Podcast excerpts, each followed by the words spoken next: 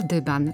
To słowo dla jednych jest tajemnicą, innym kojarzy się z luksusową ozdobą wnętrz i wykończeniem mebli antycznych.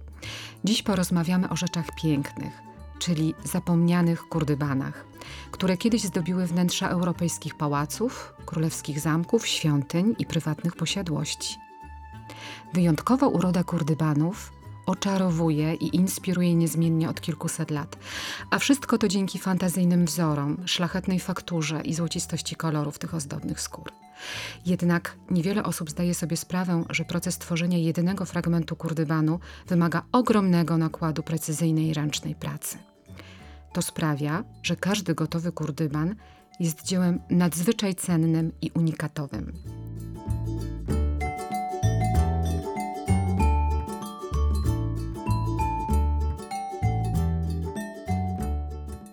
Zapraszam na podcast Rzeczy Piękne. Przy mikrofonie Joanna Zawierucha-Gomułka, a moimi gośćmi są Agnieszka Kosakowska i Ewa Zielińska, założycielki pracowni artystycznej Consiste, która mieści się w Krakowie. Wspólnie będziemy sięgać do historii sztuki, rzemiosła artystycznego i tajemnic związanych z konserwacją zabytków.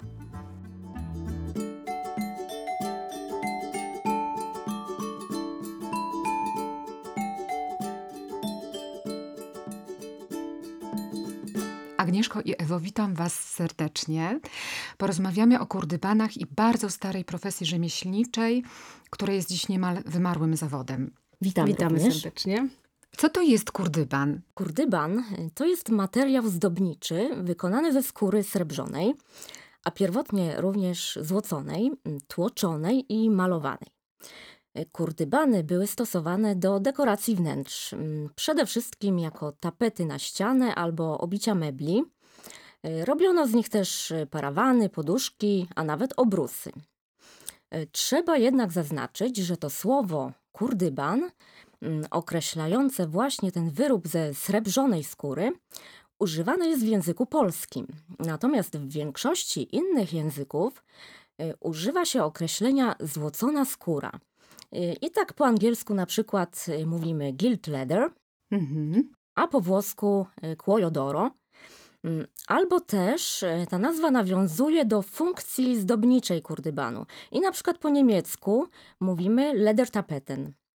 Mm, natomiast pierwotne znaczenie terminu kurdyban odnosi się do skóry niesrebrzonej, a jedynie tłoczonej lub tłoczonej i malowanej, albo w ogóle gładkiej. No jest dużo zamieszania z nazewnictwem, czego dowodem jest pewne zdarzenie sprzed roku. E, otrzymałyśmy zapytanie od potencjalnego klienta z Japonii. Przygotowałam ofertę zawierającą informacje o wzorach i kolorystyce. E, w odpowiedzi klient zapytał, czy możemy mu sprzedać kurdybany, ale bez zdobień i srebra. to wtedy byłaby po prostu skóra. E, I faktycznie w toku dalszej korespondencji okazało się, że klient poszukiwał skóry końskiej używanej do wyrobu ekskluzywnego obuwia. E, poszukując dostawcy, używał właśnie angielskiego słowa kordowan i widząc polskie słowo kurdyban, e, spodziewał się właśnie takiego produktu. Kiedy i gdzie narodziła się ta technika zdobnicza? Powiedzcie proszę. Mm, jest bardzo mało źródeł na ten temat, są różne koncepcje mm, i nie do końca potwierdzone.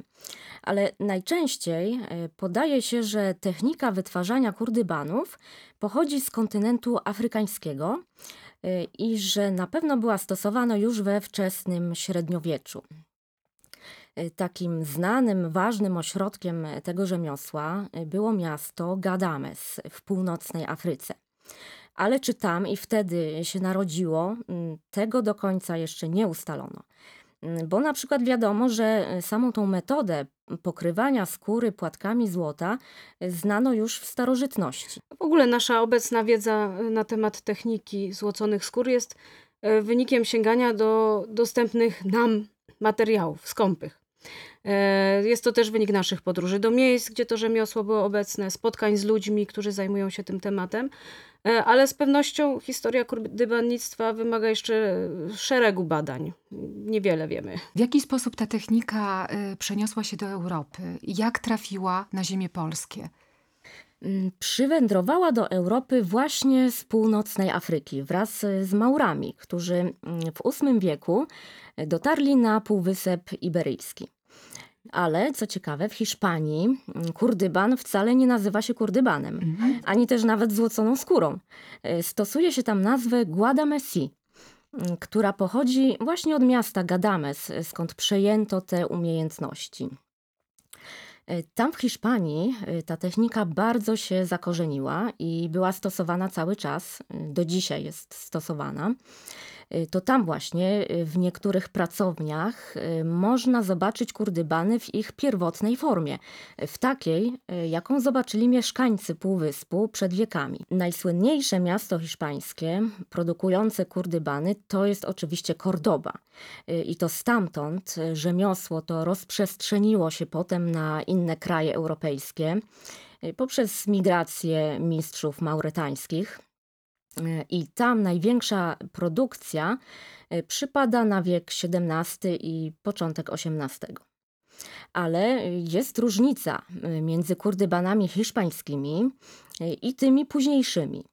Mm, Hiszpańskie e, były utrzymane w stylistyce arabskiej i były raczej płaskie, puncowane. E, Natomiast w tych późniejszych e, stosowano już inną, taką bardziej europejską ornamentykę. E, Były to motywy roślinne, owoce, ptaki, zwierzęta, putta. Mm, I w XVII wieku we Flandrii e, zaczęto wytłaczać wypukłe wzory z drewnianych matryc. I, I wydaje się, że to właśnie te wypukło tłoczone kurdybany z północy Europy są dla nas charakterystyczne, a nie te hiszpańskie, Mhm, y, mhm. mimo że nasza polska nazwa przecież pochodzi od miasta Cordoba. I koniecznie musimy powiedzieć jeszcze o włoskich kurdybanach, bo istniało tam wiele warsztatów. Takim bardzo cenionym i prawdopodobnie największym ośrodkiem produkcji złoconych skór była Wenecja. Mm, Tam w XVI wieku nastąpił niesamowity rozwój tego rzemiosła. Istniało tam wówczas około 70 warsztatów w samej Wenecji. Ale znowu te weneckie kurdybany y, są inne niż te wytwarzane w Europie Północnej. Y, Są głównie wykonane techniką puncowania, mm, są podobne do tych hiszpańskich. No i rodzi się pytanie, dlaczego? Mm, Dlatego, że prawdopodobnie technika złoconych skór przywędrowała do Wenecji wprost od Arabów y, dzięki kontaktom handlowym i nie przeszła tej europejskiej transformacji. A teraz y, skąd kurdybany wzięły się w Polsce? Skąd Mm. do nas trafiły? Tak, były po prostu importowane. Sprowadzano je z innych krajów jako cenny materiał. Mm, Takie pierwsze wzmianki o tym mamy z XVI wieku. Y, I jest y, prawdopodobne, że te pierwsze złocone skóry przyjechały do nas wraz z królową Boną w jej posagu ślubnym. Tak, natomiast z tego, co wiemy z dostępnych źródeł, to w Polsce nie wytwarzano złoconych skór. Istniały wprawdzie warsztaty kurdybannicze, ale rzemieślnicy ci produkowali buty i inne wyroby skórzane, ale nie złocone skóry. Jak nazywa się rzemieślnik, który zajmował się wytwarzaniem kurdybanów?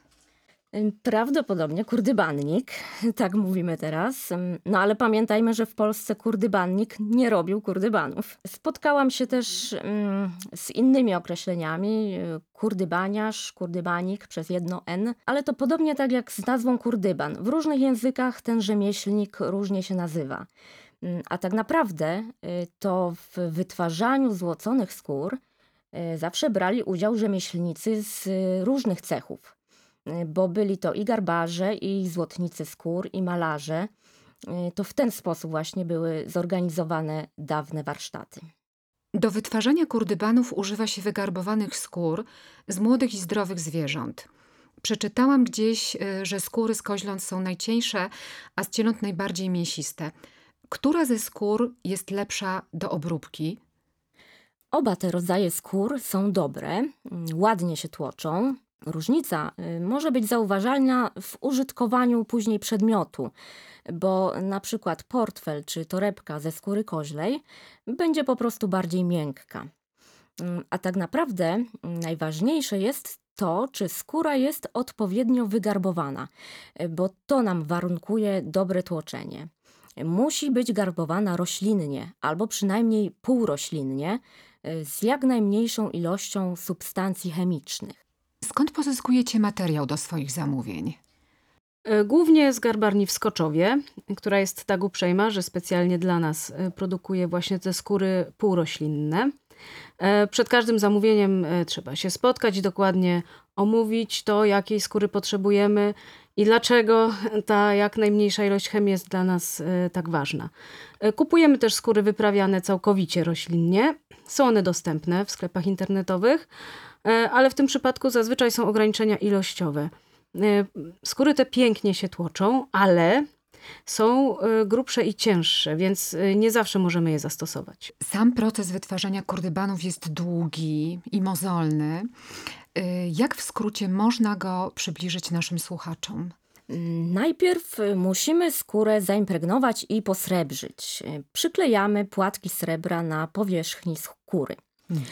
E, Srebro potem trzeba koniecznie zabezpieczyć przed korozją. My to robimy białkiem jaja kurzego, tak jak przed wiekami.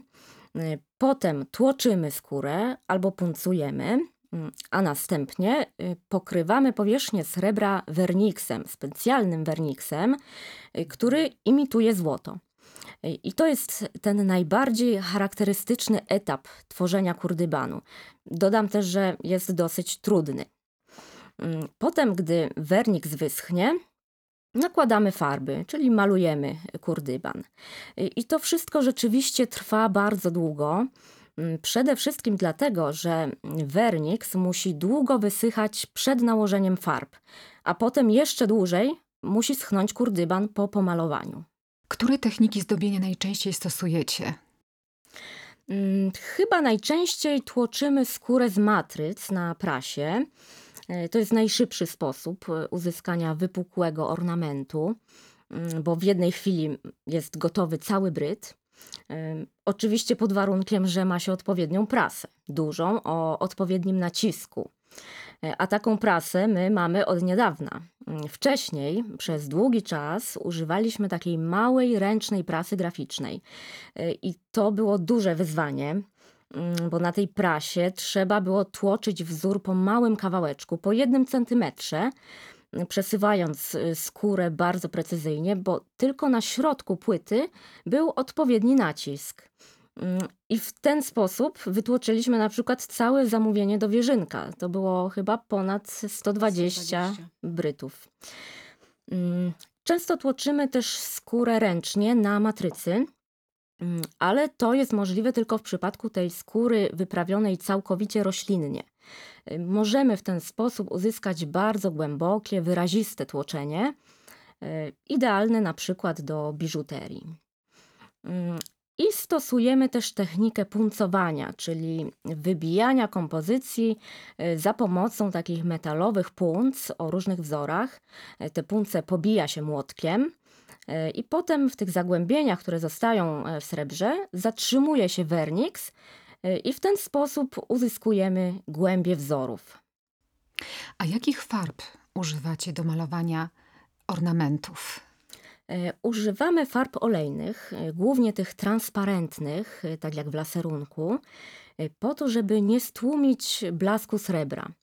Mm, Ale tutaj trzeba mieć naprawdę wprawę w malowaniu kurdybanu, bo nie ma tu za bardzo możliwości poprawek.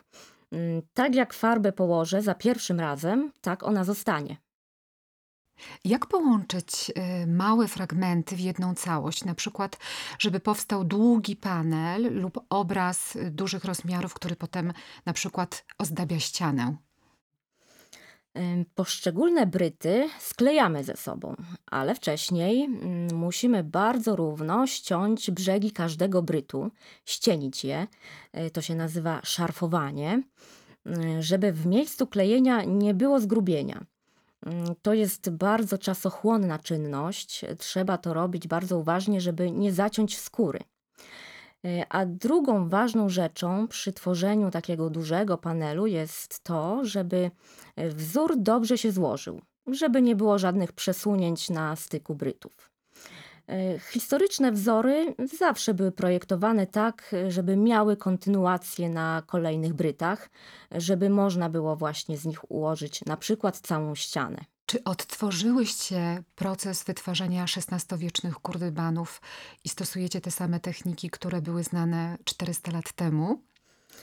No, my osobiście y, nie uczestniczyłyśmy w procesie odtwarzania tego rzemiosła, bo to nasi rodzice y, byli w zespole ludzi, którzy tego dokonali.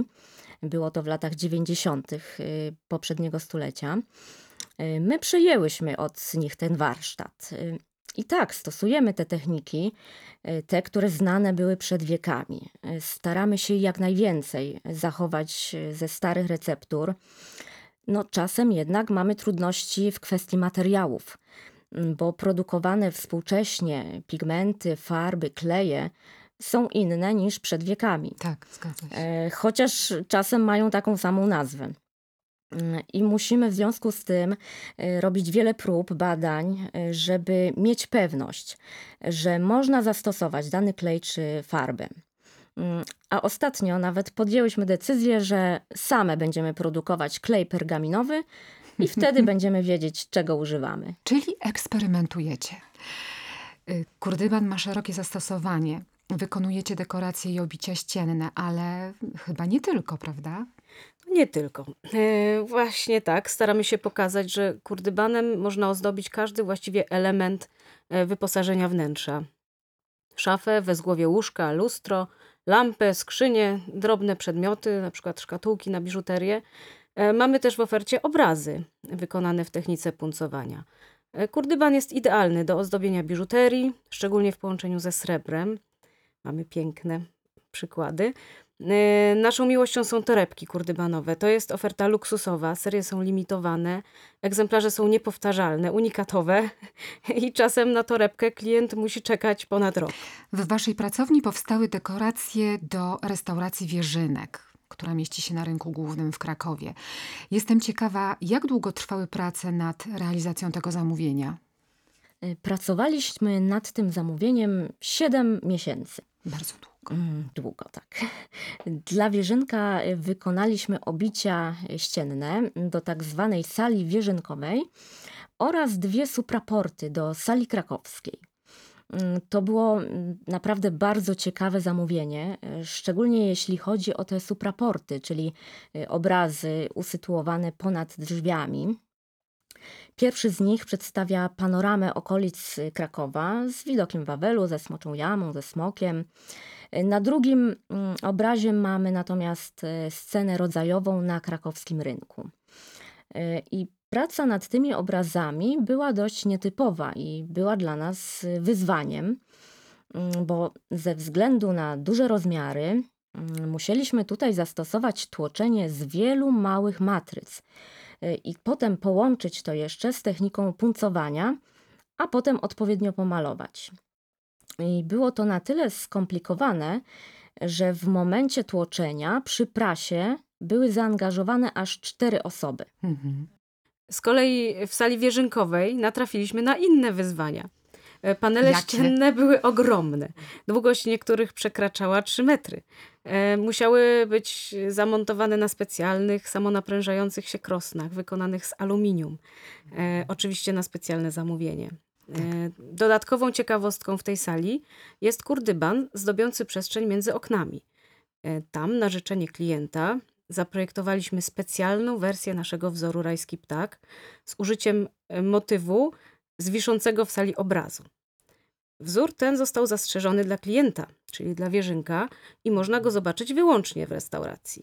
Przyglądając wasze prace, natknęłam się na wzór y, Złoty Ogród, który został wykonany jako dekoracja ścienna do ozdoby prywatnej jadalni. Czy ten wzór ma historyczne pochodzenie, czy został zaprojektowany przez was? Y, To jest zasadniczo wzór historyczny, XIX-wieczny. Kurdyban o tym wzorze zdobi m.in. y, szkocki zamek Calendar House. Jednak tam jest większy. Bryt ma większe wymiary. Y, My korzystamy ze wzoru zmniejszonego tak, aby mm, miał wymiary mm, pasujące do naszych standardowych matryc. Czy kolekcjonujecie stare wzory kurdybanów? E, Tak, zawsze, mm, gdy mamy okazję zrobienia nowej matrycy z jakiegoś wzoru, to korzystamy z niej. Mm, A w tym momencie mamy matrycę do czterech wzorów e, historycznych, e, plus kilka na tłoczone krzesła. Czy tworzycie wzornik do swoich projektów? Mm, Mamy wzornik, w którym gromadzimy poszczególne projekty w różnych kolorystykach, ale jest to na razie wzornik nietypowy, bo ciągle znika. E, U nas zawsze jest deficyt dobrze wyschniętych kurdybanów, ze względu na bardzo długi czas schnięcia. To jest wiele miesięcy. E, I zdarza się tak, e, że jakiś stały klient ma nagłą potrzebę i nie możemy go skazywać na czekanie przez cały rok, na przykład na torebkę. E, No i wykorzystujemy wtedy te fragmenty przeznaczone do wzornika. No i między innymi dlatego ciągle nie udało nam się go na przykład oprawić. Ale jest tworzony. Na czym polega konserwacja starych kurdybanów? Mm, Konserwacja kurdybanu nie jest łatwa. Z pewnością tak. Głównym problemem jest to, że srebro, czyli ta kluczowa warstwa kurdybanu, ulega korozji w ciągu wieków. E, I taki kilkusetletni kurdyban jest zawsze ciemny. Mm, Tej korozji nie da się odwrócić, e, a na srebrze przecież leżą warstwy kolejne werniksu i farb, e, niejednokrotnie w całkiem dobrym stanie.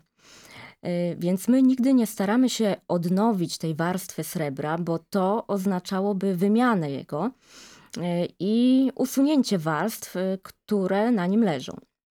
Mm, Więc trzeba przyjąć, że stary kurdyban będzie wyglądał na stary. Mm, Oczywiście trzeba zadbać o jego kondycję, mm, oczyścić, podkleić odspajające się warstwy, czasem uzupełnić brakujące fragmenty. Mm, No, problemem są też zazwyczaj odkształcenia skóry, które trzeba zniwelować. Profesja, którą się zajmujecie, jest dziś niemal wymarłym zawodem. Jak to zmienić? Hmm, nie jesteśmy pewne, czy da się to łatwo zmienić. E, Nie wiem na przykład, czy dzisiaj byłaby szansa na to, żeby na nowo pojawiły się liczne warsztaty kurdybanników, e, takie nazwijmy to komercyjne. Mamy inną rzeczywistość, mamy świadomość, że w dzisiejszej rzeczywistości kurdyban nie stanie się raczej materiałem e, zdobniczym powszechnie używanym. Na przykład nasza pracownia. To jest rezultat wielu lat prowadzonych z uporem prób i inwestycji.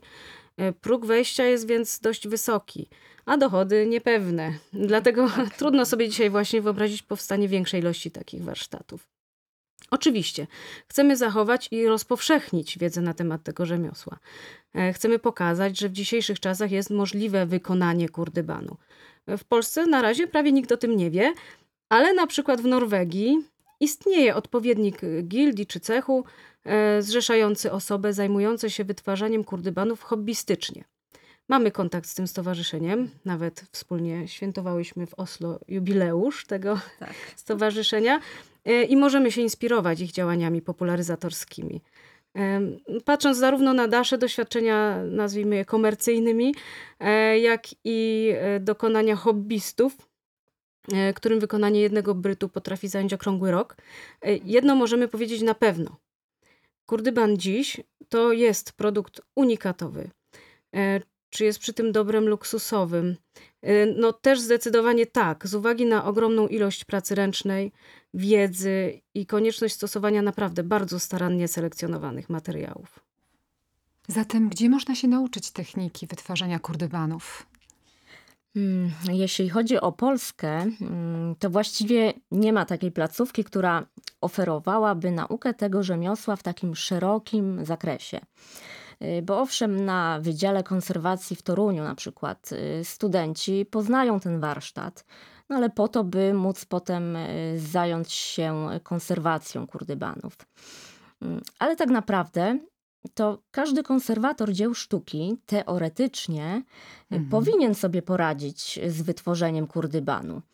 Ale tak się nie dzieje, bo oprócz teorii właśnie potrzebne są lata praktyki. Y, To odtwarzanie starych receptur, y, wypróbowywanie ich z nowymi, współczesnymi materiałami, y, zgłębianie wiedzy na ten temat. Temu po prostu trzeba się poświęcić. Istnieje kilka miejsc w Europie, gdzie nauka wytwarzania kurdybanów odbywa się na zasadzie takiej atrakcji turystycznej. Na przykład niektóre pracownie w Hiszpanii proponują takie kursy. Mhm. No ale ten typ nauki z pewnością nie da pełnych umiejętności. Jest bardziej powierzchowny. Tak, bo nie da właśnie tego wieloletniego doświadczenia. Wasza rodzina jest małą manufakturą artystów i rzemieślników. Czy byłyście skazane na kontynuację tej linii zawodowej? No, jeśli chodzi o studiowanie konserwacji, mm, to dla mnie wybór był raczej oczywisty. Pójść w ślady taty, który jest konserwatorem i zawsze był zafascynowany tym zawodem. E, Nasz dom zawsze był pełen rzeczy, które kierowały mnie w tę stronę. I tyl- nie tylko mnie, bo mm, nasza mama, która tak naprawdę jest y, socjologiem z wykształcenia, przez wiele lat pracowała w konserwacji razem z tatą. W tej naszej manufakturze mm, nasi rodzice są kluczowymi postaciami, ponieważ to od nich przejęłyśmy umiejętność y, wytwarzania kurdbanów. Tak, na przykład zaletą taty i zasługą jego jest e, ten zmysł techniczny, e, na przykład opracowanie metody odlewania naszych matryc, e, a z kolei mama może być spokojnie ogłoszona matką naszego werniksu. E, właściwie e, technologia jego wytwarzania jest dostępna dla każdego. Historyczne receptury są zawarte w źródłach. Jednak po pierwsze, e, właściwości, jak już mówiłyśmy, dzisiejszych składników bywają znacząco różne od tych XVII-wiecznych. Po drugie, sam proces produkcji jest dość skomplikowany. Trzeba go naprawdę dobrze poznać. Wiedzieć, kiedy dodać jaką substancję, jak osiągnąć właściwą gęstość werniksu, jak długo gotować, w której fazie produkcji co dodać. No, generalnie jest to dużo pracy, aby no, nawet pogoda panująca podczas gotowania ma znaczenie. Więc, żeby wytworzyć dobry werniks z dzisiaj dostępnych składników, nasza mama musiała wiele dni spędzić w ogrodowej szopie, mieszając patykiem w dymiącym kociołku jak czarownica. E, No i na szczęście część swych doświadczeń może nam teraz przekazać. Ale prawda jest taka, że każdy, kto chce zrobić dobry werniks, musi odrobić również swoje kociołko godziny. Agnieszko, y, jak wspomniałaś, jesteś y, z wykształcenia konserwatorem dzieł sztuki. Y, Powiedz proszę, czym się zajmujesz w firmie Consiste? A to pewnie dziwnie zabrzmi, ale obecnie nie zajmuję się konserwacją, mm, a przynajmniej nie na co dzień. E, Już jakiś czas temu stwierdziłyśmy z Ewą, że mm, nie możemy się zamykać w jednym tylko obszarze działalności naszej firmy. W międzyczasie pojawiła się możliwość zorganizowania na nowo mm, pracowni Kurdybanu e, i podjęcia tego szerokiego bardzo tematu wykorzystania Kurdybanów e, we współczesnych wnętrzach, w wyposażeniu wnętrz, mm, a także propagowania wiedzy o kurdybannictwie. I mm, bardzo się w to zaangażowałam i mm, jestem teraz właściwie znacznie bardziej zafascynowana rzemiosłem artystycznym i całym tym nowym naszym przedsięwzięciem niż konserwacją. Mm, Ta działalność e, jest y, cały czas w fazie rozwoju. E, Jest mnóstwo rzeczy do zrobienia, do zorganizowania, bo tutaj nie chodzi już o samą tą umiejętność e, wykonania kurdybanu, ale między innymi o tworzenie kolekcji, o promocję, mm, poszukiwanie rynku na nasze wyroby. Y, Chciałybyśmy jak najszybciej mm, doprowadzić do tego, żeby nasza firma nie zajmowała się tylko konserwacją, ale również właśnie weszła w świat y, wyposażenia wnętrz, mody może. Bardzo ciekawe. I w sumie właśnie tym się teraz zajmuję, ale mm, także zleceniami dotyczącymi konserwacji skóry i kurdybanu. A czasem nawet odkładam na bok y, kurdybany i angażuję się też y, w taki mój ulubiony obszar konserwacji, y, czyli w prace badawcze, w pisanie programów prac konserwatorskich. Mm, Czasem wykonuję też wizualizacje komputerowe, które potrzebne są konserwatorom na różnych etapach prac. Mm, I jestem też tak zwanym człowiekiem od kolorów, y, czyli mm, pojawiam się tam, gdzie trzeba podjąć jakieś bardziej skomplikowane y, decyzje mm, dotyczące kolorystyki obiektu. Mm, No a w tej konserwatorskiej części firmy to teraz kluczową rolę odgrywa Ewa. Trochę na odwrót niż powinno być. Ewo, ty ukończyłaś projektowanie graficzne na Akademii Sztuk Pięknych w Krakowie. Powiedz, jaka jest twoja rola w tej firmie? Moja rola w firmie jest mało romantyczna. Zajmuję się zarządzaniem. E, Wbrew pozorom. To bardzo moja... odpowiedzialna praca. Tak, e, tak. Odpowiedzialność e, na pierwszym miejscu. No i właśnie, wbrew pozorom, moja pierwotna profesja okazuje się tu całkiem przydatna. Mm, Prowadzenie firmy ma wiele wspólnego z projektowaniem, bo trzeba i analizować dane, i przeprowadzić symulację jakiegoś procesu, przewidzieć w ogóle efekty swoich działań, e, dobrze panować nad komunikacją. E, Ja zajmuję się głównie faktycznie realizacjami konserwatorskimi. I fakt, że nie jestem z wykształcenia konserwatorem, mm, oprócz oczywistych ograniczeń formalnych, bo na przykład nie mogę prowadzić prac oficjalnie tak w dokumentach, niesie y, to również korzyści. E, Patrzę na wiele zagadnień merytorycznych z dystansem, dzięki czemu sprawdzam się jako łącznik pomiędzy inwestorem i nadzorem konserwatorskim e, i współpracującymi z nami konserwatorami. W moim życiu konserwacja również była zawsze obecna. Mm, Mam zatem dobrą orientację w tej całej naszej dziedzinie. Potrafię dobrze planować. Mam taką dobrą konserwatorską intuicję, Zgadza się, nazwijmy tak. to. E, Jednak nie muszę być ekspertem od wszystkiego. E, Wystarczy, że wiem, z kim powinnam nawiązać współpracę, aby realizacja była prowadzona na najwyższym poziomie merytorycznym. No więc mamy naprawdę dobre relacje z najlepszymi konserwatorami różnych specjalności i do różnych zadań, e, no właśnie, między innymi ja tworzę zespoły, które są dowodzone przez specjalistów dobranych do konkretnej problematyki. I do konkretnego zamówienia. Tak. Moja rola to również wszelkiego rodzaju harmonogramy i tabelki, które na szczęście uwielbiam tworzyć i analizować. E, Jedyny kłopot to ogromna ilość pracy związanej z organizacją w firmie, e, w połączeniu no, z równie dużą odpowiedzialnością. Czyli cała logistyka jest na twojej głowie. No, nie powiem, że jestem całkiem sama, bo mamy wspaniały zespół, ale jednak zdarza się, że natężenie obowiązków mnie przerasta. I no właśnie wtedy pojawia się myśl, że bardziej spełniałabym się w pracy ręcznej, przy wyłączonym telefonie, Mm, ale prawdę mówiąc, em, nie jestem pewna, czy to jest prawda. E, Moja praca wymaga ode mnie bardzo dużych dawek kreatywności. Jest to działanie dynamiczne, zgodne z moją naturą i, i właściwie jedyny problem jest taki, że mam jej trochę za dużo. Nad czym teraz pracujecie? E, Pracujemy w dwóch wymiarach. W teoretycznym i praktycznym. W teoretycznym e, próbujemy zaciekawić świat kurdybanem odkrytym na nowo. Pokazać, że, że współcześnie kurdyban e, to nie tylko nawiązanie do historycznych wnętrz, ozdoba jakiegoś pałacu, Czy świątyni? o, na przykład. E, Kurdyban może zaistnieć w każdym wnętrzu, bo jego stylistyka może być różnorodna. E, Próbujemy też pokazać ludziom, że e, cenny jest nie tylko sam kurdyban, ale też e, wiedza na jego temat, a właściwie w naszym przypadku odzyskiwanie wiedzy na jego temat e, z pomroku dziejów. Tak. No i temu na przykład służą kursy wiedzy o kurdybanach, które organizujemy w naszej pracowni i- na które serdecznie zapraszamy wszystkich zainteresowanych. Są one zorganizowane w formie takich warsztatów.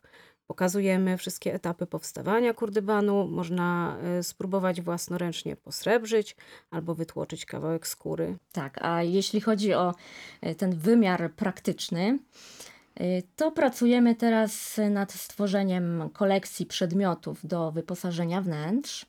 Mm, Przygotowujemy między innymi parawan z historycznym wzorem e, i duże lustro w ramie obitej kurdybanem. Mm, Pracuję też nad kilkoma obrazami puncowanymi. E, A z takich drobniejszych przedmiotów to e, kończymy pracę nad kolekcją szkatułek i kuferków i zaczynamy myśleć o kolekcji biżuterii. No i jesteśmy też już w trakcie zakładania sklepu internetowego. Mm, Mamy nadzieję, Wspaniale. że w niedługim czasie nasze Mhm. kurdybany będzie można też kupić przez internet. Jakie są wasze plany i marzenia, które chciałybyście zrealizować w najbliższym czasie? Hmm. No, moim marzeniem na przykład, y, ale też równocześnie planem e, jest to, żeby zawsze móc tak spokojnie e, łączyć moje pasje z pracą. Chciałabym, żeby moje życie zawodowe wypełniało rzemiosło kurdybanowe, podróże i ludzie, y, którzy też tak jak ja są zafascynowani pięknem, pięknem przedmiotu, wytworu ludzkiego. E, No i cóż, planujemy też podróż przez Europę w poszukiwaniu kurdybanów, ludzi, którzy je wykonują i wiedzy na temat tego rzemiosła. Mm, Marzymy też Wspólnie? wspólnie też o przestronnej pracowni, e, w której mieściłby się cały nasz warsztat, bo na razie mamy go w czterech miejscach i Mhm. się nie mieścimy. Tak. A ja bym chciała, żeby każda elegancka kobieta, zanim pomyśli Gucci, to żeby pomyślała Consiste.